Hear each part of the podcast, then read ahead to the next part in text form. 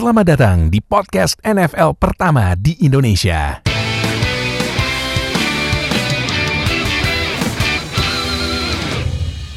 Baik sama gue Fadil kalian di Zero Podcast dan gila ya waktu berlalu cepet banget. Kita udah tinggal dua hari lagi menuju NFL Draft 2021. Oh, Wow, wow, ini. wow, wow, Gak berasa ya. wow. Gila loh. Perasaan baru tahun kemarin eh, nonton 2020 draft yang eh, Roger Goodell di basement sama rookie-rookie pada di rumahnya sekarang du- 2021 aja buset dah. Udah gitu Wow. Nah, nah, sekedar info 2021 draft di Cleveland live dan kemarin beritanya Roger Goodell udah vaksin dua kali jadi bakal ada bear hug. Siap-siap aja ya. Seperti biasa. Jadi kalau misalnya ada komplain, kok pelukan ini ya orang udah vaksin, Eh, udah pada vaksin belum? Udah. Udah ya. Nah, Wah saya belum pak. Waduh.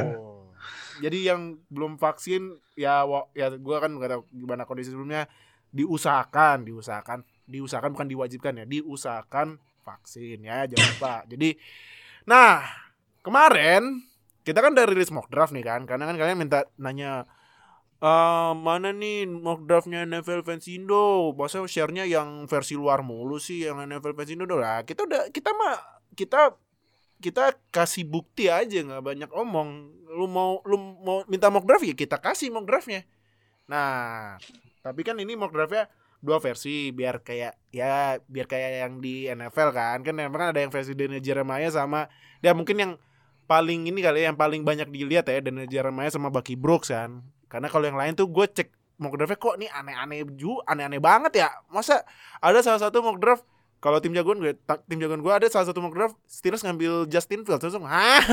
Nggak pakai trade lagi. Makanya buset Justin Fields turun sampai 24 kayaknya aneh juga kan. Nah ya udah jadi kan bahkan lihat dari Daniel Jeremiah sama Bucky Brooks. Nah sekarang kita juga ada versi dua versi Julian sama versi Nuha nah jadi kita bareng sama Julian sama Nuha yang pastinya kalau misalnya kalian ngikutin eh draft prospek dari berapa minggu yang lalu ya dari QB sampai safety. Nah, pasti kalian udah tahu. Nah, kemarin udah kita upload nih mock draft berdua nih. Dan pastinya ada yang komen-komen, kok ambil ini, ambil itu, ambil ini, ambil itu. Ya udah, kalau gitu. Gue mau kasih klarifikasi. Oh iya nih, ini ada salah satu. ini si Julian, Ini gue cek, gue cek kok nggak ada ini pemainnya ya. Padahal konsensus first round loh. Nah, coba silakan deh. Padahal pas kita discuss dia di top 5 gue dia nomor satu. Wah, gimana tuh? Nah, Ah, jadi sebelum Julian ini gue kasih tau dulu, gue gue kan pas upload, nah gue cek lagi, kan kalau minta edit lagi kan pasti ya nggak ini kan aneh juga kan udah diupload masa edit lagi. Nah, gue cek, lo lo lo lo lo lo lo lo kok ini tidak ada Jalen Waddle? Nah, Jul Jul, silakan dulu Jul, klarifikasi Jul. ya jadi sakit. jadi gue tuh sebenarnya bukannya nggak mau masukin Jalen Waddle gitu ke first Ah. round. Cuman em, pas bikin kan itu banyak banget gitu pas Iya. ngedit. Heeh. Nah, ya udah tuh kayak udah kayak enakan aja ngedit ngedit ngedit ngedit nggak sadar Jalen Waddle tuh masih belum dimasukin gitu. Terus kayak pas ngelihat 32, oh ya ini make sense gitu. Menurut gue tiap tiap mic-nya make, make sense lah gitu buat gue. Nah nggak sadar tuh nggak ada Jalen Waddle. Jadi kalau kalian udah lihat mock draft gue mungkin bingung kenapa Jalen Waddle nggak ada. Eh, mungkin gue bakal masukin dia di posisi 13 ya. Em, 13. Itu Chargers. Gue di sana masukinnya Elijah Vera Tucker. Hmm. Tapi mungkin em, itu konsekuensinya dengan gue ganti dia dengan Jalen Waddle. Mungkin eh, Elijah Vera Tucker turun di, di pick sama Steelers. Terus juga kalau itu Steelers kan ngambilnya Tevin Jenkins. Mungkin Tevin Jenkins round ya? turun diambil Oh. Packers gitu. Ah, ah. Ya, terus em, si em, Jalen Mayfield atau mungkin eh, Landon Dickerson gitu mungkin drop Ah. eh, mungkin ke ini diambil sama Ravens gitu. Hmm. Karena Ravens kan perlu offensive tackle kan habis nge-trade si Orlando, Orlando Brown. Brown. Oh iya, Orlando kemarin ya Orlando Brown Ya. di trade ke Chiefs. Jadi Ravens punya am- megang uh, pick 31-nya 31. Ravens ya. ya. Nah, If. jadi ya udah deh. itu klarifikasi Julian ya, bukan karena dia lupa karena kas kasihkan ya. Maklumin Iya. nih bikin mock draft tuh Bukannya gua nge-hate Jalen Waddle, bukannya cari ini ya, cari cari cloud ya. Ya, bukan cari cloud ya. Ini emang purely lupa kan namanya juga manusia ya, lupa ya. Nah, jadi udah kalau gitu eh jadi gini, sesi buat podcast ini kita bakal bahas bergantian ya. Jadi eh, kayak kemarin biasa draft prospect tapi ini kita bagi jadi ini ya. Kita bagi jadi biar biar cepet ya. Per 8 picks. Jadi ada 4. Jadi per per ini per mock draft ada 4 ya. Karena gue udah Hmm. pilih 4 yang gue cek hmm menarik juga nih ya pick-picknya. Nah, eh jadi kalau gitu gue mulai dari ini dulu deh, dari mock draftnya Nuha dulu deh. Nah, Oke. Nuha ini di top eh 1 sampai 5 pertama Trevor Lawrence, kedua Zach Wilson, ketiga Ya, Trey Lance. Trey Oke. Lance. Keempat Justin Fields. Hmm, oke. Kelima Penny Sewell. Oke. Ya.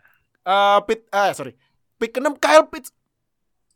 Hmm. Kyle Pitts ke Dolphins. Hmm. Ketujuh Jamar Chase. Jamar Kelapan Chase. Micah Parsons. Nah, eh gue mau bahas dulu yang pertama buat lu ya, Nu ya.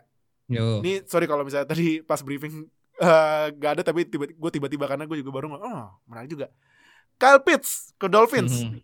Kenapa lu naruh Kyle Pitts ke Dolphins? Padahal kan oh ya kan mungkin ya karena empatnya Justin Fields diambil sama Falcons jadinya Kyle Pitts diambil Dolphins. Tapi kan eh eh eh tapi eh tapi kenapa kalau menurut lu Kyle Pitts ke Dolphins? Kalau menurut gua kenapa gua pilih Kyle Pitts ke Dolphins? Karena satu mereka apa Dolphins tuh benar-benar butuh weapon buat nama buat apa namanya? Buat ya buat weapon buat tua lah. Jadi ya tua tuh di, tua tuh bakal menjadi the franchise quarterback, maka tua benar-benar butuh weapon yang reliable buat bertahun-tahun ke depan. Hmm. Nah, mereka kan di di free agency kan signing Will Fuller ya. Will Fuller Hmm. tapi mereka Will Fuller cuma signing cuma buat setahun aja buat nemenin buat nemenin Devante Parker. Ya. Nah, si Kyle Pitts tuh dia tight end tapi dia most of his ability itu memang lebih banyak sebagai receiver, receiver receiving tight end gitu. Hmm. Dan menurut gua kalau dia di match up Pitts itu dia bakal baju- bakal menjadi match up nightmare. Dia tuh cepet banget dan dia badannya kan gede ya. Dia tuh bakal bakal sus apa dia tuh too fast kalau misalnya dia di cover sama linebacker dan kalau misalnya dia di cover sama safety dia kegede kegedean. Mhm. Jadi apalagi kan memang ability si Jamar Chase sorry Kyle Pitts itu memang lebih ditekankan ke receivingnya dia. Ke dengan badannya yang gede, receiving dia bagus, ya Hmm. bisa dibilang ya generational tight end dan bahkan ya mungkin ya itu mungkin ya the best receiver the best receiver as a tight end gitu jadi posisinya jadi ya Hmm. Kyle Pitts nomor 6 buat ngebantu tua gue kenapa enggak Kyle Pitts ya. Wah, gila. Kalau misalnya Kyle Pitts beneran ke ini ke Dolphins kayaknya ya, kayaknya netizen kaget sih kayaknya, kayaknya. Tapi kan nggak tahu yang lainnya. Nah, itu penjelasan pertamanya Nuha dari 8 pick pertama mock draftnya. Kenapa Kyle Pitts ke Dolphins? Nah, sekarang Joel. Lo eh pick pertama ya seperti biasa ya top 2-nya udah pasti lah ya Trevor Lawrence, Zach Wilson, ketiganya Justin Fields, keempatnya Kyle Pitts. Nah, ini kelima nih, Rashawn Slater. Hmm, oke. Keenam Micah Parsons. Nah, ketujuh ini hmm, Broncos trade ya. Trade up. Trade Sama up Lions. buat ngambil Trey Lance. Nah, terus Penny Sewell ke-8. Jul, kenapa lu naruh Rashawn, Rashawn Slater duluan daripada Penny Sewell? Um, karena menurut gua Rashawn Slater itu lebih pro ready dibanding Hmm. Penny Sewell gitu. Mm-mm. Dan si Bengals kan perlu someone yang udah inilah dia mereka perlu imme- immediate help lah gitu di offensive line. Iya. Terus juga si Rashawn Slater ini dia kan lebih lebih apa? Lebih fleksibel ya, lebih versatile gitu secara posisi. Mhm. Dan juga banyak orang-orang yang bilang kalau dia main di guard atau center, kan waktu itu gue udah mention pas di episode online, Mhm. semakin dia masuk ke dalam, ceiling dia semakin tinggi gitu. Oh, oke oke. Makanya gue taruh dia di pick sama Bengals, gue project dia bakal diambil sama Bengals tuh main jadi ini, jadi guard gitu. Mhm. Karena di left tackle kan udah ada Jonah Williams Iya, Jonah Williams ya. yang di pick first 2018 atau 2019 ya. Ah. Tapi em, si si siapa namanya? Si Rashawn Slater ini kan emang udah terbukti gitu kayak si si Chase Young aja bisa di shutdown gitu sama Rashawn Slater. Oh iya, iya. Mhm. Dan ya kita tahu lah maksudnya di AFC North pas rushersnya kan gila-gilaan gitu. Kayak ada Mhm. TJ Watt, Mas Garrett, terus sekarang ada si uh, Jadavion Clowney gitu. Mhm. Jadi menurut gua sih em, si Rashawn Slater ini secara teknik maksudnya udah udah pinter gitu. Dia jadi bisa udah siap lah ketemu pass rusher pass rusher yang dia bakal hadapi di AFC North. Mhm. Oke. Makanya Berarti Rashawn Slater ya. Hmm. Dan ini kan orang-orang sebelumnya bilang kayak si Rashawn Slater tangannya terlalu pendek lah atau apa. Ah. Tapi kalau kalian lihat measurementnya, dia sama Peniswell measurementnya sama. Hmm. Oke, oke, oke, oke. Oke, menarik ya. Rashawn Slater duluan daripada Penny Sewell. Oke, nah. eh terus ini deh, gue sekalian deh tambahan ya, tambahan ya. Hmm. Kenapa lu Broncosnya nge-trade up ke pick nomor 7 buat ambil Trey Lance? Kok menurut lu apakah udah saatnya eh cari QB karena ya gitulah Drew Lock gak, gak sesuai atau gimana atau emang memang memang eh, ini Broncos sangat ya lu tau lah, lah lu tau kan eh, lah ya Broncos kan sangat cinta QB. QB kan Walaupun Di kan. John John Elway udah bukan GM-nya. Nah, untungnya John Elway bukan GM lagi sekarang kan. Nah, tapi kenapa lo Dolphinsnya eh Dolphins Broncosnya nge-trade up buat ambil Trey Lance? Iya, mungkin pertama nge-address dulu ya kenapa Broncos trade up-nya ke Hmm. 7 bukan ke 6 gitu. Hmm. Karena menurut gua em, Dolphins mungkin karena Kalpit sudah diambil, Mm-mm. em, mereka nggak mau give up posisi 6 mereka to get the best player possible. Menurut gua itu Micah Parsons. Karena kalau misalnya Dolphins tukar ke nomor 9, Micah Parsons kemungkinan besar bakal diambil di nomor 7 sama Jema- eh, sama Lions gitu. Mhm. Jadi mereka mendingan stay di 6 biar dapat someone yang kayak Micah Parsons yang bisa membantu defense mereka gitu. Terutama kan mereka kehilangan eh, Calvanoy gitu. Iya, iya. Hmm, iya, iya. Oke, oke. Terus Oke. kayak mereka juga ada ada pick lagi kan di first round. Iya, bener. Jadi em, kalau mereka mau ambil buat receiver ya mungkin masih bisa gitu later in the first round. Hmm. Nah, Em, kenapa Broncos trade up ke 7 buat ambil Trey Lance? Karena menurut gue Iya. mereka perlu quarterback yang beneran premier quarterback gitu, yang potentially jadi franchise quarterback. Karena Drew Lock ya kita development dia di tahun kedua nggak as people expected ya gitu. Mm-mm. Dan juga Drew Lock sendiri menurut gue banyak yang kurang lah gitu. I mean dia mungkin sebagai short term bisa lah ngisi dan ya menurut gue better dia jadi jadi backup quarterback gitu dibanding jadi franchise quarterback. Makanya gue Hmm. masukin Trey Lance gitu. Mhm. Dan em Trey Lance sendiri juga someone yang dynamic dan inilah maksudnya sebagai rookie mungkin dia bisa dibantu banget dengan apa em, running dia. Tapi juga Broncos ini sebenarnya kan offense-nya juga udah lumayan komplit. Kayak Iya. online mereka akhirnya em, di season kemarin eh, lumayan bagus lah gitu. Kayak slightly above average. Terus kayak Garrett Bowles akhirnya bisa jadi left tackle yang eh, Pro Bowl ya kalau nggak salah ya Dan dapat second team All Pro lagi. ah iya. Yes, betul. akhirnya akhirnya kan dia inilah kalau dulu orang bilangnya dia kayak apa eh, ger- ger- gerbang swinging gate Iya, swinging iya, gate gampang gitu Makanya uh, fi- fifth year optionnya kemarin di decline tapi sama Garrett Bowles ya buktiin Iya. dia bisa ternyata dapat terus extend. di dapat di extend Nah, nah terus juga wide receiver-nya ada eh, KJ Hamler mhm. Jerry Judy terus mungkin orang-orang lupa tapi masih ada si itu aduh gue juga jadi lupa namanya yang kemarin ACL-nya putus Cortland Sutton Cortland Sutton. Cortland Sutton. ya. kan maksudnya receivernya tuh udah udah bagus gitu terus juga ada Noah Fant di tight end maksudnya um, weapon sendiri udah lengkap gitu jadi for for it's good for a rookie quarterback to develop in makanya menurut gue mereka ngambil Trey Lance yang potentially bisa jadi franchise quarterback mereka for like at least Hmm. 10-15 years lah gitu. Hmm, Oke oke oke oke. Trail Dolph eh sorry Broncos straight up buat ambil Lance. Oke. Nah, um, next kita eh nextnya ke Julian dulu. Julian pick ke 9 Jamar Chase ke Lions. Patrick Surtain the second ke Alabama eh ke, ke dari Alabama maksudnya ke Dolphins Ke Cowboys. eh ke Cowboys? Aduh kok gue Dolphins dulu ya. Maaf maaf maaf. Cowboys Cowboys. Maaf maaf maaf. Maaf bisa gue rada kaget nih. Micah Parsons ke Dolphins wah. Sebenarnya reasonable juga alasannya. Nah nextnya Giants ambil Gregory Rousseau. Pick ke 12 JC Horn ke Eagles. Pick 13 Elijah Vera Tucker ke Chargers pick ke-14 nya yang gue sempet nonton game uh, Good Morning Football katanya ini nama ter terlucu ya Cutie Pie Cutie Pie kalau misal ceweknya. Uh, PewDiePie Cutie Pie Cutie Pie ke Vikings. Pick ke-15 Patriots ambil Zevon Collins. Dan terakhir pick ke-16 Caleb Farley diambil sama Cardinals.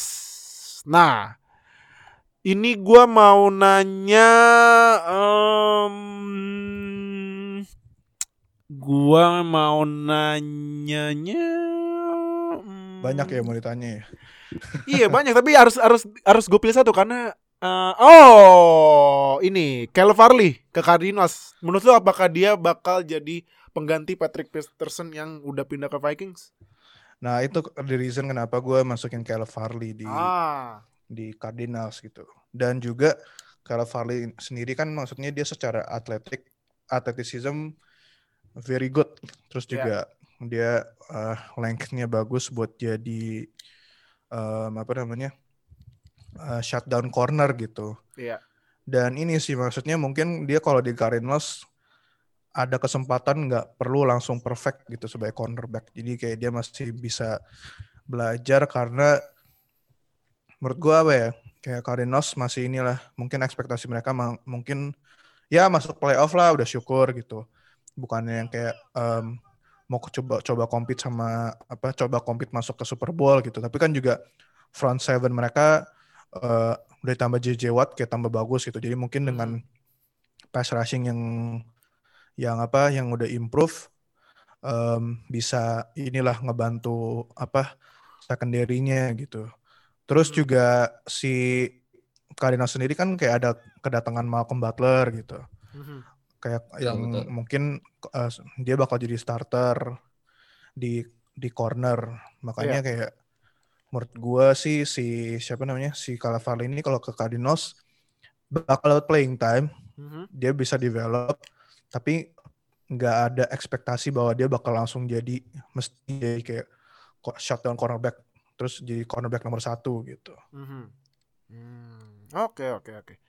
Kalau Farley ke Cardinals. Nah, sekarang kita ke Nuha. Nuha ini picknya nextnya dari 9 ke 16 ini JC Horn ke Broncos, Patrick Surtain the second ke Cowboys, terus Gregory Rousseau ke Giants, Devonta Smith ke Eagles, Rashawn Slater ke Chargers, Christian Deriso ke Vikings, Zayvon Collins ke Patriots sama terakhir Oh, sama ya. Caleb Farley ke Cardinals. Nah, gua mau nanyanya ini.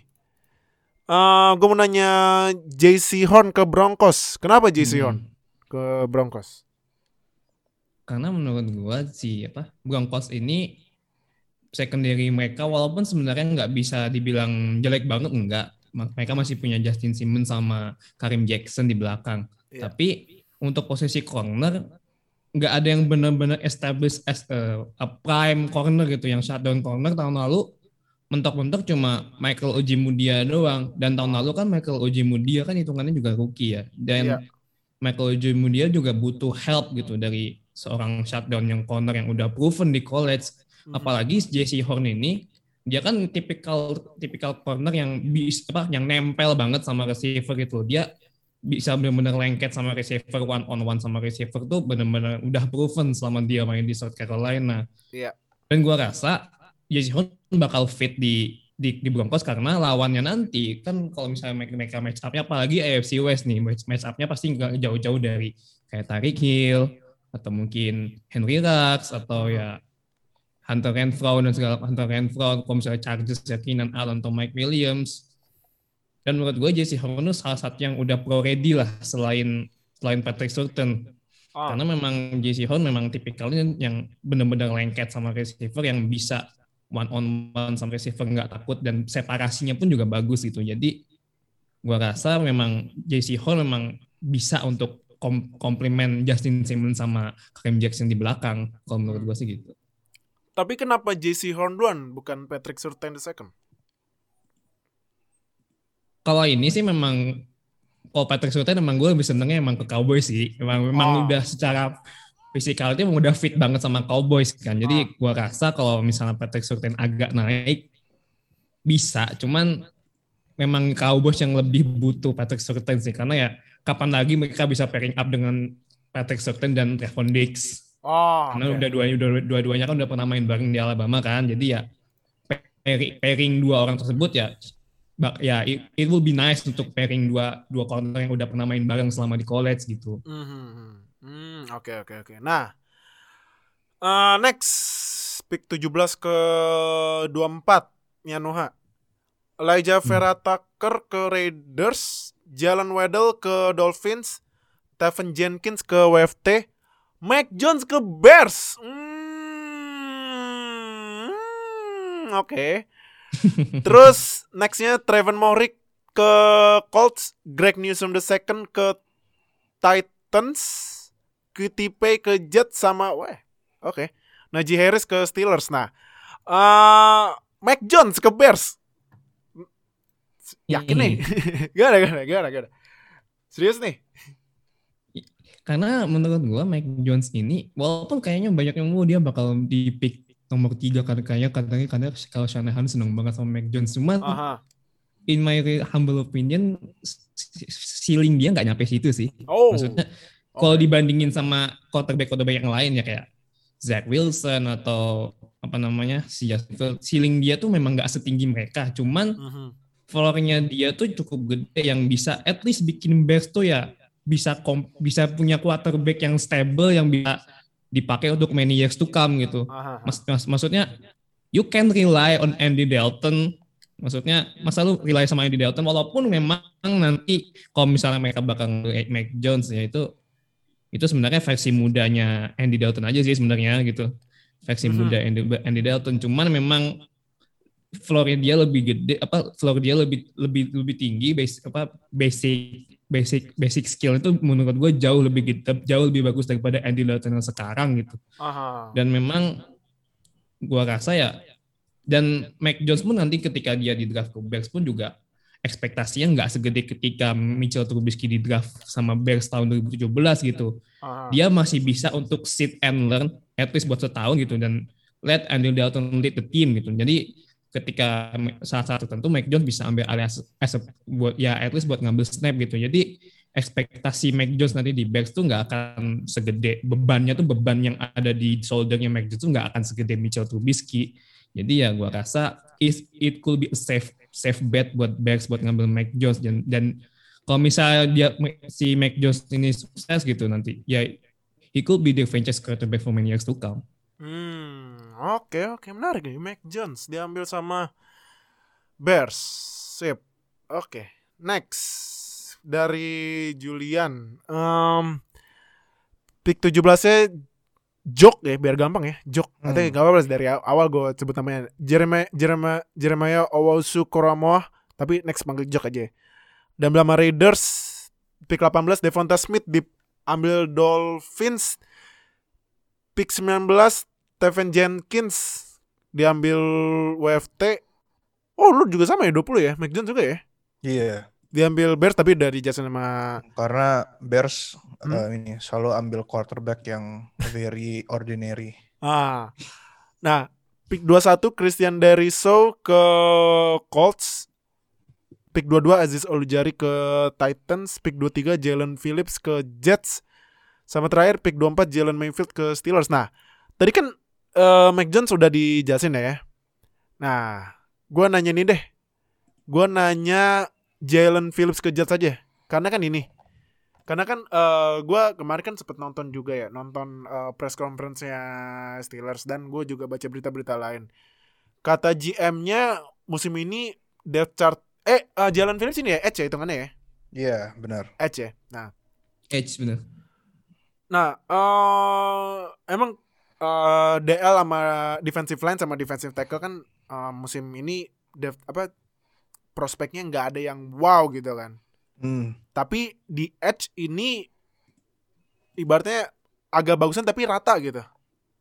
Nah, tapi kenapa lo pilihnya Jalen Phillips ke Jets? Iya, kalau dilihat di mock draft gue kan di top 20 itu udah ada em, kalau yang di di defensive line gitu Mhm, udah ada beberapa kan diambil kayak Russo di 11, mhm. terus Quitipe ke Vikings di 14. Jadi logic gua di pas bikin mock draft ini adalah gua nggak ngikut top 5 gua gitu. Hmm, Karena top 5 gua nggak berarti em, yang nomor satu harus em, di draft nomor satu. Wah, I mean most Wah, kalau ngomongin nomor satu nggak di draft round juga buktinya Jalen Waddle kan nggak ada di mock draft gue. But anyway, em, mak- maksudnya menurut gue gini kayak setiap tim kan mereka evaluate pemain tuh beda-beda gitu. Kayak Aha. misalnya di top 5 gue, Gregory Rosso, gue taruh di top 5. mhm. Eh di nomor 5 gue. Ya. Tapi dia di di mock draft gue dia diambil nomor 11. Kalau nggak salah dia jadi the first D-line player yang diambil Iya. gitu. Aha. Karena em, menurut gua dan banyak orang yang juga bilang si Gregory Rousseau ini comparisonnya comparable sama JPP gitu. Oh, Dan JPP dulu kan di draftnya sama Giants. mhm. Jadi kayaknya Giants tuh ada tendensi untuk ngedraft pemain-pemain yang kayak gitu. Makanya gue taruh dia di nomor 11. Nah dengan Oh. Jalen Phillips ini juga gue melihatnya sama gitu. Terutama dengan defense-nya Robert Robert Saleh yang Mhm. jadi head coach barunya Jets. Si Jalen Phillips ini he's very athletic, very explosive gitu. Walaupun Mhm. mungkin dia baru produktifnya di di apa di season ke, Miami. kemarin di 2020 cuma satu doang. Ya. Um, tapi dia has shown potential gitu sebagai um, defend defender yang versatile. Dan menurut gua dengan Robert Saleh yang dia um, banyak pakai packages gitu di defense-nya, dia perlu uh, someone yang kayak Jalen Phillips yang bisa ditaruh in uh, kayak several roles gitulah kayak tugasnya mungkin beda-beda di play tertentu gitu. Mhm. Makanya gue taruh dia di em, di nomor 23 ya. Eh iya nomor 23 nomor 22 Jalan dua- dua tiga, dua tiga, iya. 23 ya, 23 Iya. ke Jets gitu. Oke, oke. oke. Maksudnya Jets perlu inilah someone yang mungkin kayak di defensive line-nya bisa jadi apa ya? Jadi kembang api gitu. Karena sebenarnya defensive line-nya Jets sendiri kan nggak jelek gitu. Enggak, Ada kok, Queenan kan? Williams Ya ada. Quinnen Williams. Tapi maksudnya mungkin mereka perlu apa ya? Sparknya eh, gitu ya. mungkin Spark ya. Maksudnya Ah. mereka tinggal menurut gue tinggal satu orang lagi gitu sebelum menjadi di line yang menyeramkan. Ah, oke oke. Oke. Nah, eh ini sekarang kita ke ke ini ya, ke lanjut 25 sampai terakhir nih. Eh, 25 don. Oh ya, sampai terakhir sekali sekali- karena udah sesi terakhir biar biar nggak kelamaan juga ya. Bi- Abis itu kalau kelamaan ter mu- apa mumut tar di draft kebanyakan pikiran nih. Toto salah nih. Kok beda? Nah, nah, nah. Biar resiko lu dah. nah, eh ini pick 25 -nya Julian. Levi, Levi apa Levi sih? Levi ya? Levi, Levi. Onbuzurik eh diambil sama Jaguars. Terus ah, ini gue baru Oh, ini ini sebenarnya gue sempat sempat ini ya, sempat baca top 5-nya ini Bucky Brooks ini dia namanya lagi naik nih. Joe Tryon Dia juga ada di top 5 gue. Oh di top 5 dulu ya? Oh iya, iya. nah Joe Tryon Tapi kan uh, mungkin uh, jarang ini kali ya Jarang masuk Cuman ini oh, pertama kali nih kalau Mungkin yang baru lihat ya Joe Tryon masuk Browns Pick 27 Terrace Marshall Diambil Ravens Pick 28 Jason Owe diambil Saints Nah tim jagoan lu nih Packers ngambil center buat gantiin ini ya. Uh, Corey Linsley. Landon. Dickerson ke Iya. Packers. Pick tua- 30. Ah. Travis Etienne diambil sama Bills. Oke. Pick 31 Sam Cosmi diambil Ravens buat ganti ini kali ya, gantiin Orlando Brown kali ya. Benar. Tapi Orlando, Betul. tapi di kiri udah ada ini ya. Dia Orlando Brown kan mainnya di right tackle. Oh iya, red. Oh iya buat red tackle ya. Nah, Jadi masuknya Terakhir- Sam Cosmi di right, right tackle. hmm, oke. Nah, terakhir Trevor Maury ke Buccaneers. Nah, gua mau nanya pertama dulu nih. Kenapa gak ada eh, Travis Etienne duluan daripada Najee Harris? Karena ini gue bilang lagi ya, karena bukan eh gue kan eval- masukin bikin mock draft bukan di dari top 5 yang menurut Hmm. gue gitu. Lebih kayak ke team fit. Nah si ya? Bills ini kan kita udah lihat dia ada em, siapa namanya? Singletary sama Zach. Aduh, gue jadi lupa lagi. Davis. ini Zach Moss. Ah iya, Zach Jack- Moss Jack gitu. Moss. Zach Moss. Zach Moss em, yang maksudnya si Zach Moss ini kan hitungannya jadi power back gitu. Dan Mhm. Singletary dia kecil badannya jadi gue anggap dia cuma sebagai kayak mungkin inilah change of pace back gitu. Mhm. Nah mungkin si Bills ini perlu someone yang um, speedy and good at receiving gitu ya semacam Alvin Kamara. Ah, Dan menurut gue itu mereka um, ada di itu ada di Travis Etienne gitu dan menurut gue dengan adanya Travis Etienne itu bisa membantu banget offense Bills. Jadi nggak perlu uh, rely sama Stephon Diggs atau rely on Josh Allen kalau misalnya passing passing gamenya lagi mandek rely on Josh Allen tuh kayak carry the whole offense gitu. Masih ada senjata lain yang mereka bisa pakai. Karena ya kalau kita lihat running gamenya Bills tahun lalu nggak bisa ini nggak bisa dapat momentum gitu. Dan Hmm. Zach Moss sendiri kayak sering banget cedera. Terus kayak mereka di golan akhirnya selalu masih sering utilize si si Josh Allen gitu. Iya, Dan iya. Travis Etienne ini kan he's very fast. Jadi maksudnya um, inilah big big play potensialnya gede gitu. Wah. Dan kenapa nggak Najee Harris ya? Karena menurut gue Najee Harris as, as he is, he is not Ah, oke. Nah, em, ini sambil nunggu nih ya Julian connect. Nah, eh, mungkin kita langsung eh, ke ini ya ke picknya Nuhan nih yang dari 25 sampai 32. Ini pick do Hmm, ini siapa nih gue baru baca nih namanya. ya. Jackson Carman dari Clemson University Hmm. eh, diambil sama Jaguars. Oke. tadi, Nah, tadi gue di mana ya? Eh, ntar terus eh, Oke. Jok Jok. Nah, ini gua sempat baca ya. Mungkin gua nanya dua ya kalau ya ntar ya, Nu ya. Ya, ya, oke, oke. Jok diambil Browns. Ya. Terrace Marshall diambil sama eh Ravens. Ravens. Nah, Jason Owen diambil sama Saints. Oh, ini ini ini yang mungkin memberi secercah harapan ke Rodgers ya. harapan untuk ini ya, cheesehead ya. Cheesehead ya. Kadarius Tony ke Packers. Oke. Terus pick 30 Jalen Phillips ke Bills. Abis itu Aziz Olujari ke Ravens sama terakhir Rashad Bateman ke Buccaneers. Nah, gue mau nanya dua nih. Jackson Carman, Hmm. gue baru denger si- siapa dan kenapa lo milih dia ke Jaguars? Ya, jadi Jackson Carman ini dia guard atau tackle ya. Dia bisa main di dua posisi Hmm. dan dia juga dia main di Clemson. Jadi kan karena nomor satunya ya kita tahu lah itu, itu udah pasti konsensus lah Trevor Lawrence itu nggak perlu dibahas lagi pasti Jaguar ambil dia. Nah Jackson Carman kan udah pernah main bareng nih sama sama siapa sama Trevor Lawrence. Jadi mungkin untuk untuk menutup sisi flow-nya mungkin dari flow-nya si Trevor Lawrence ya Jackson Carman could be could be the, could be could be the, the protector gitu apalagi juga secara secara ability dia tuh atletik ya atletis banget Jackson Mhm. Carman ini beratnya 340 pound asal lineman jadi badannya tuh gede jadi untuk memproteksi ya blind side-nya Trevor Lawrence itu udah selama di college tuh ya udah makanan hari-harinya Jackson Carman lah Mhm. Sebenarnya ya tugasnya dia ya selama di coach ya melindungi blind side-nya Trevor Lawrence.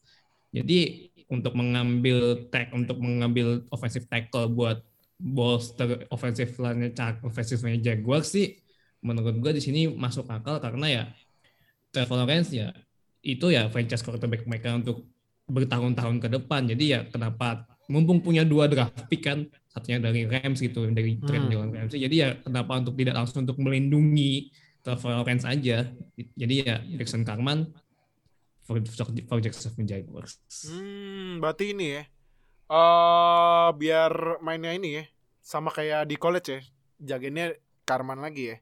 Iya ke betul. Trevor Lawrence. Terus next, gue mau nanya Tony. gua Aha. gua gini ya, gua kan gua kan sering banget nonton Good Morning Football ya, karena itu emang Iya. acara bagus banget di NFL Network. Eh Daniel Jeremiah pas si siapa ya? Eh, Peter Schrager nggak salah. Peter Schrager dia bikin mock draft, terus naro we kalau nggak naro Tony ke Packers. Daniel Jer- Jeremiah eh, udah bilang gak bakal mungkin Packers ngambil WR, gak bakal mungkin. Ampe ampe Benar, setuju gue. Nah, tapi kenapa lu naruh Kadarius Tony di Packers? Well, sebenarnya gue belum sebenarnya ketika gue lagi ya pilah-pilah lah siapa yang bakal masuk ke pack gitu. Sebenarnya gue aslinya mau naro Greg Newsome, cuman Oh. melihat ternyata si kan gue naro di sini Greg Newsome kan gue taruh di Titans nomor 22 Ya. karena memang Titans lebih butuh namanya cornerback jadi ya gue taruh Greg Newsome di sana. Aha. Karena kalau misalnya di Packers mereka masih punya Kevin King walaupun emang ketika playoff dia menjadi liability but he's still reliable lah as a corner kalau menurut gue. Cuman kenapa gue akhirnya menaruh Kadarius Tony ya terlepas kayaknya kayaknya kalau bisa dibilang nggak butuh-butuh amat receiver ya karena memang di tahun lalu si apa maksudnya receiver mereka juga oke-oke aja gitu loh dengan dengan walaupun dengan dalam tanda kutip si Davante Adams sendirian ternyata enggak kok juga masih ada MVS masih ada Robert Tonyan cuman masih ada Alan Lazar yang yang Ah. ternyata juga ya reliable juga kok as a receiver cuman untuk untuk menambah weapon sih ya kenapa enggak ada Kadarius Tony gitu ya walaupun sebenarnya ada beberapa yang naruh Rondell Moore juga Rondell Moore juga karena ah, memang iya Randall Moore. ya. dia memang tipikal yang speedy dia eksplosif gitu cuman kalau misalnya melihat secara talent Kadarius Tony ya bisa lah untuk masuk ke situ jadi ya Kadarius Tony juga secara secara compare misalnya kalau mau di compare sama Rondell Moore juga nggak beda jauh Mhm. dan menurut gue si siapa Kadarius Tony juga udah Kadarius udah oke lah menurut udah pro menurut gue udah, cu- udah cukup pro ready buat untuk menangkap bola-bola dari Aaron Rodgers itu sih kalau menurut gue ya. Hmm, oke oke oke oke. Nah, eh ini kalau yang Juli Packers ambil Greg Newsome. apa? Ambil Greg Newsome gue maunya. Wih. Tapi kan di mock draft lo Lin ini ya, ambilnya Landon Landon Dickerson. Dickerson. Nah, ini deh Dan sebagai gue juga baru sadar di mock draft gue juga nggak ada Greg Newsome di first round. ya udah gak apa-apa, gak apa-apa. Nah, tapi eh ini dulu deh pertama. Eh kenapa lu tim eh, lu pasang Landon Dickerson buat tim jagoan lu? Packers. Selain ya walaupun ya emang buat gantiin Corey tapi kenapa Landon Dickerson? Em, karena pas gue ngeliat-ngeliat yang udah di pick di atas siapa aja, terus gue kayak aduh udah nggak ada tackle-tackle yang bagus udah diambil deh gitu. Jadi ya udahlah ambil center aja gitu. Ya itu kegoblokan gue kayak lupa Greg Newsome masih belum gue masukin.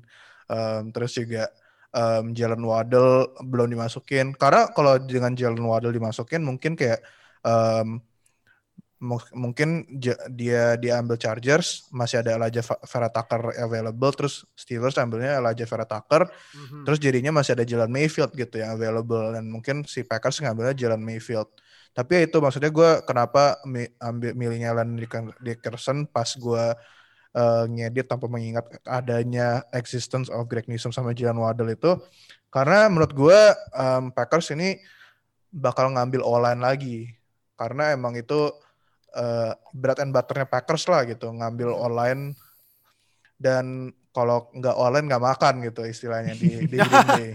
Jadi em, eh, kalau mungkin masih ada cornerback kayak Greg Newsom available, gue menurut gue sih Packers bakal ambil Greg Newsom gitu, biar mereka bisa punya cornerback dua yang lebih reliable yang akhirnya yang bakal bisa eh, mungkin bikin defense mereka lebih lebih ketat lah gitu jadinya defense-nya Mhm. dibanding kayak pas di NFC CG kemarin gitu.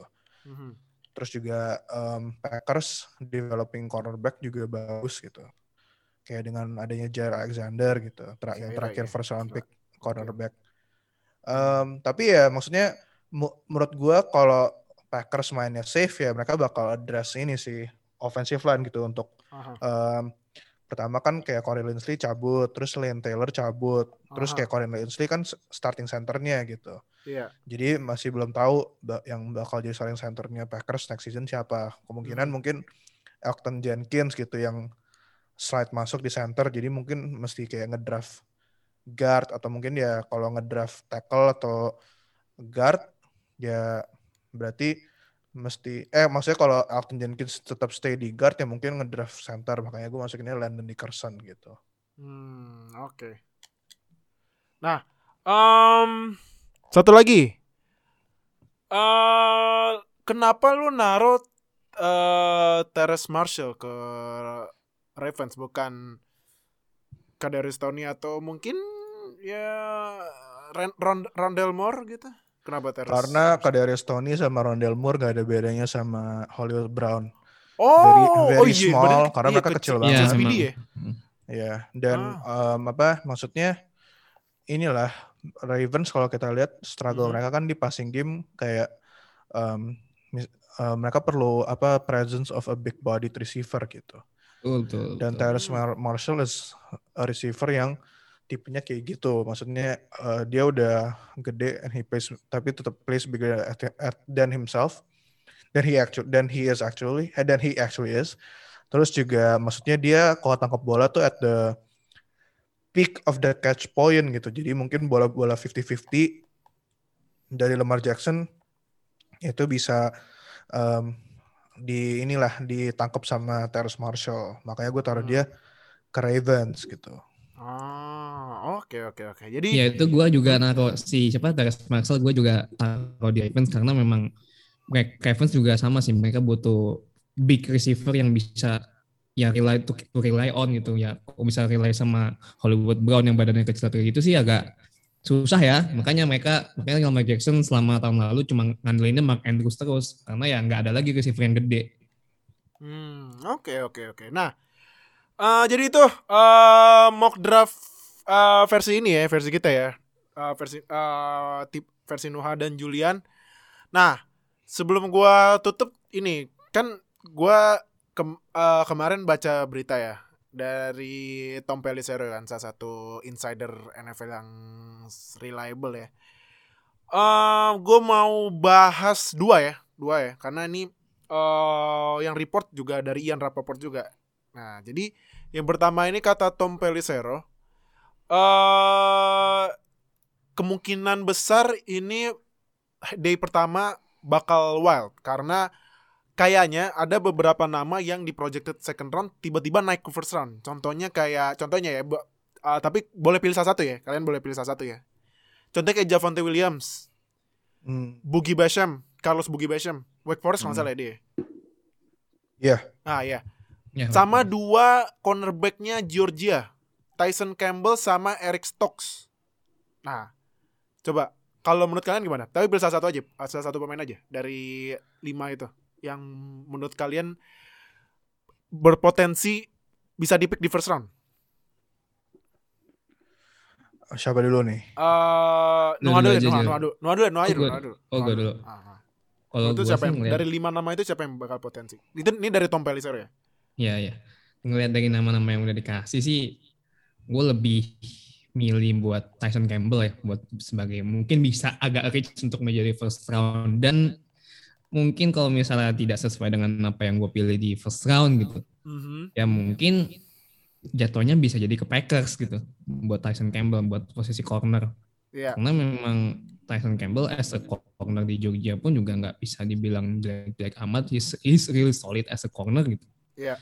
Jadi ya menurut gua memang kalau misalnya nanti reach-nya bakal first round ya nggak akan sampai middle first round juga sih. Dan yang gua baca kan dari Tom Polisario juga kan kalau Farley kan kayaknya memang bisa menjadi bakal drop ya karena memang dia punya injury issue dan ini juga udah kita bahas juga di edisi Rookie Corner memang kalau Farley punya injury issue bahkan di Pro Day pun dia kalau nggak gua agak lupa dia tuh kalau nggak salah nggak ikut Pro Day karena memang dia masih pasca pasca operasi lah. Jadi memang bak yang potensial bakal reach up buat itu ya si Tyson Campbell di Georgia, buat dari Georgia. Ah, oke oke oke. Nah, eh ini kalau lu Jul gimana? Em, menurut gue sih ini ya, maksudnya kalau kita ngomong, gue komen dulu ke yang tiga yang gue nggak pilih, kayak Bogi Basham, maksudnya dia di L defensive line juga dia di di defensive line prospect nggak nggak stand out gitu. Terus juga em, Eric Stokes sama si siapa Tyrese Williams ya, Mhm. itu juga maksudnya mereka bukan eh, prospek yang elit-elit banget lah gitu. Menurut gue sih ada di cornerback ada better prospects gitu. Menurut gue terutama Eric Stokes ya. Ah, The only reason kenapa nama dia digadang-gadang di first round sekarang kayak potensially diambil di first round ya karena di pro day dia kemarin kan dia 40 yard dash 4,25 detik kan. iya. Ah. Iya, Maksudnya betul, ya betul. dia cepet banget gitu. Tapi maksudnya kalau lu sebagai cornerback speed is not- top speed secepat itu tuh bukan kayak main priority lu lah gitu. Iya. Dan menurut gua kayak em, kalau dia diambil di first round itu reach gitu. Nah, Mhm. that is one name, Javante Williams yang kalau dari episode eh, running back gue udah kayak jatuh cinta banget kan. Ah, Gue iya, iya, nomor lu bilang, satu. iya, lu bilang nonton ini ya, nonton highlights ya. Nah, benar. Iya. Kan dia inilah maksudnya comparisonnya kayak Nick Chubb gitu. Iya. Nah, kita udah tahu Nick Chubb kayak gimana performance-nya. Dan mungkin ya tim-tim kayak misalnya um, Bills gitu. Uh, mungkin kalau ambil dia juga bisa, bukan Travis Etienne, mungkin Javonte Williams. uh, jadi karena dia juga route running-nya bagus dan juga dia mileage-nya belum sebanyak Travis Etienne atau Najee Harris. Um, terus juga dia as a runner, he's really good gitu. Dia uh, apa contact balance-nya seba- setara lah sama Travis Etienne gitu. Jadi maksudnya menurut gue untuk fit ke Bills, Javante Williams sama Travis Etienne tuh 11-12 gitu. Ya gue sih masih taruh Travis Etienne di mock draft gue karena menurut gue si Javante Williams ini masih agak underrated lah. Tapi ya we don't know karena ini kan gue bikin kayak hari hari Minggu atau hari atau hari Sabtu kemarin ya gitu. Eh, mungkin ya em, seiring kita sel- makin dekat ke draft day ya mungkin draft stock dia bakal bakal naik gitu. Hmm. Oke oke. Nah, terakhir ini kan ya gue juga baca tweet-tweet dari beberapa ini ya apa eh, yang writer-writer NFL dan ya Ya, tuh. beberapa expert NFL ini bilangnya ya masih kayaknya sih masih masih berlaku ya. Jangan ambil RB di first round, ya kan? Hmm. Cuman ini ada beberapa eh, GM dan ya kayak pasti kan ini insider ngobrol sama GM ya. Nah, GM ntar ngobrol iseng-iseng ngobrol, menurut tuh gimana nih ini ini nah. Kan dapat infonya di tweet kan. Tanpa nyebut na- siapa GM-nya gitu. Ini kata Ian Rapoport nih. Eh ini top 3 pasti antara Na- Najee Harris, Travis Etienne sama Javante Williams. Nah, ini Iya. urutannya kan berbeda-beda kan. Hmm. Terus eh, yang kedua, kebanyakan G, eh, GM tim bilang Harris bakal dia- diambil sama Steelers. Kalau Harris udah diambil duluan tiba-tiba ya, tiba-tiba kemungkinan besar Javonte Williams.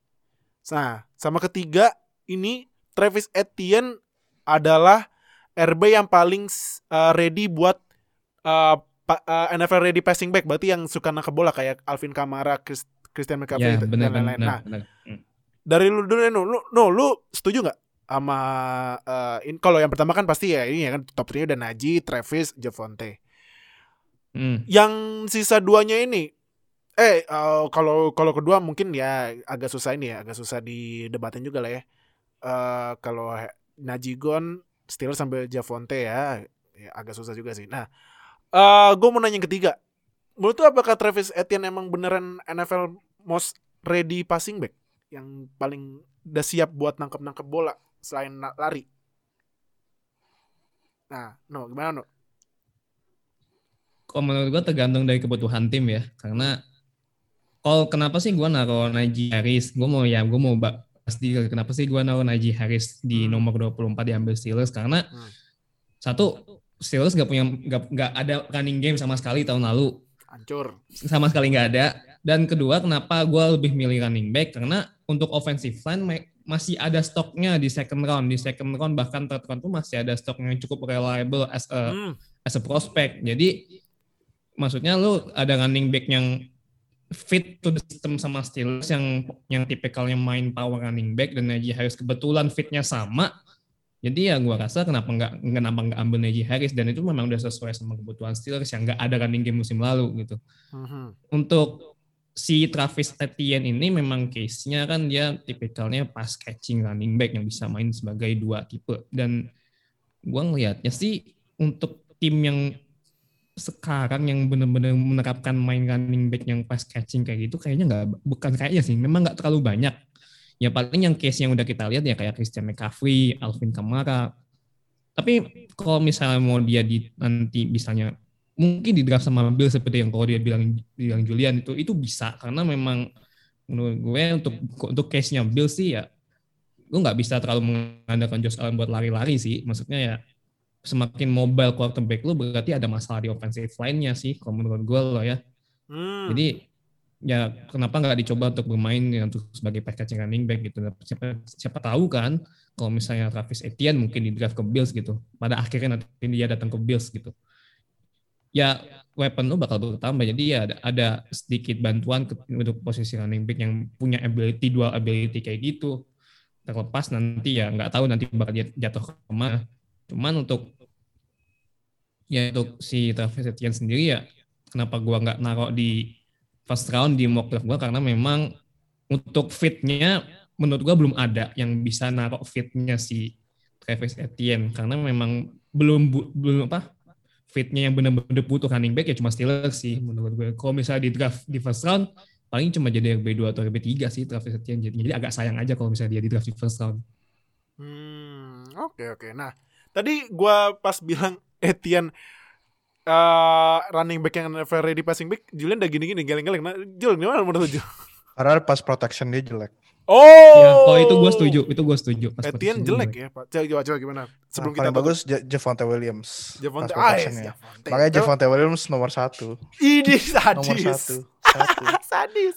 Tapi gimana menurut lu sebelum kita tutup eh, podcast menuju NFL draft hari Jumat? Menurut lu gimana?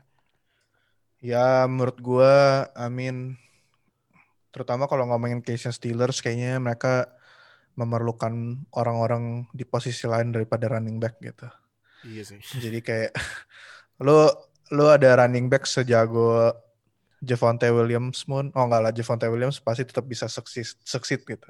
Tapi misalnya Travis Etienne gitu atau Ah. Najee Harris atau ya eh, Javonte Williams, Mhm. kalau mereka mau sejago apa pun kalau online-nya nggak ada juga ya ikan nggak nggak ngaruh gitu. Adanya mal- malah mereka yang dibilang bakal jadi bust gitu. Makanya mendingan inilah invest di offensive line dulu Ah, oke oke. daripada running back. Maksudnya. Mhm. ya running back di later rounds juga masih bisa dapat yang bagus karena terutama tahun ini banyak prospek-prospek running back yang maksudnya prospeknya inilah kelasnya deep gitu. Jadi Mhm. masih di late rounds masih bisa dapat yang bagus-bagus. Contohnya kayak ini ya, kayak siapa namanya? Eh Tracerman atau siapa lagi ya? Tracerman. Iya, Ya, Tracerman. Eh, Chaba Hubbard Coba dari Hubbard ya.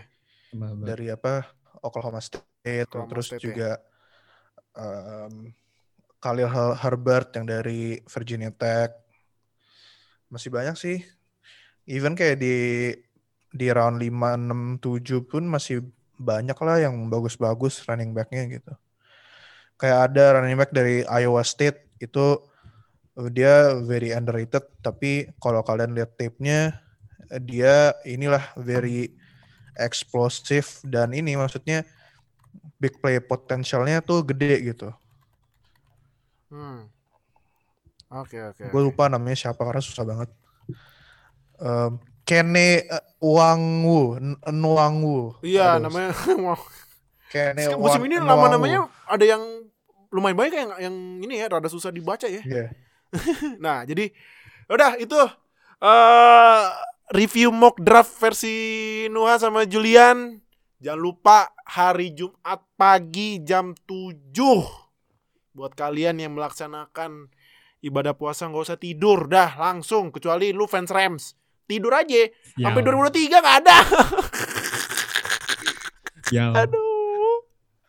Fans Rams, fans Texans, Fans fans Texans, Seahawks. Nah, Seahawks. Aduh, oh iya, sekedar FYI, Seahawks uh, tahun ini draftnya uh, jumlah picknya sesuai sama nomornya Russell Wilson, cuma tiga. Oh, iya. Uang. Ini woi, terus eh, apa? eh GM-nya sama Pete Carroll nyantai-nyantai aja. Cuman Ah. perlu evaluasi buat tiga tiga pick soalnya. Iya, Sama ini evaluasi Russell Wilson aja paling mau enggak. iya, iya, iya. Kalau misalnya Russell Wilson udah nggak- betah, udah kita tradein aja lah biar tahun depan dapat first round-nya lumayan banyak gitu. Nah, jadi udah kalau gitu thank you Noha, thank you Julian. Buat kalian yang masih nggak setuju sama mock draft versi mereka berdua langsung aja tulis di komen gimana pendapat kalian kalau misalnya tim jagoan kalian eh ini tim jagoan kalian ternyata di mock draft yang nggak sesuai sama picknya tulis aja di komen nggak apa-apa nggak ada yang ngelarang jadi udah kalau gitu jangan lupa lagi sekali lagi gue bilang dua hari lagi menuju NFL draft jam 7 pagi. Buat kalian yang udah join line open chat nanti kita bakal share linknya mungkin ya mung ya karena biar nggak ke- kelamaan nunggu kali ya. Mungkin 15 menit sebelum mulai kita share biar cepetan. Kalau misalnya setengah jam kayaknya lama banget ya. Nah 15 menit sebelum mulai draft kita share.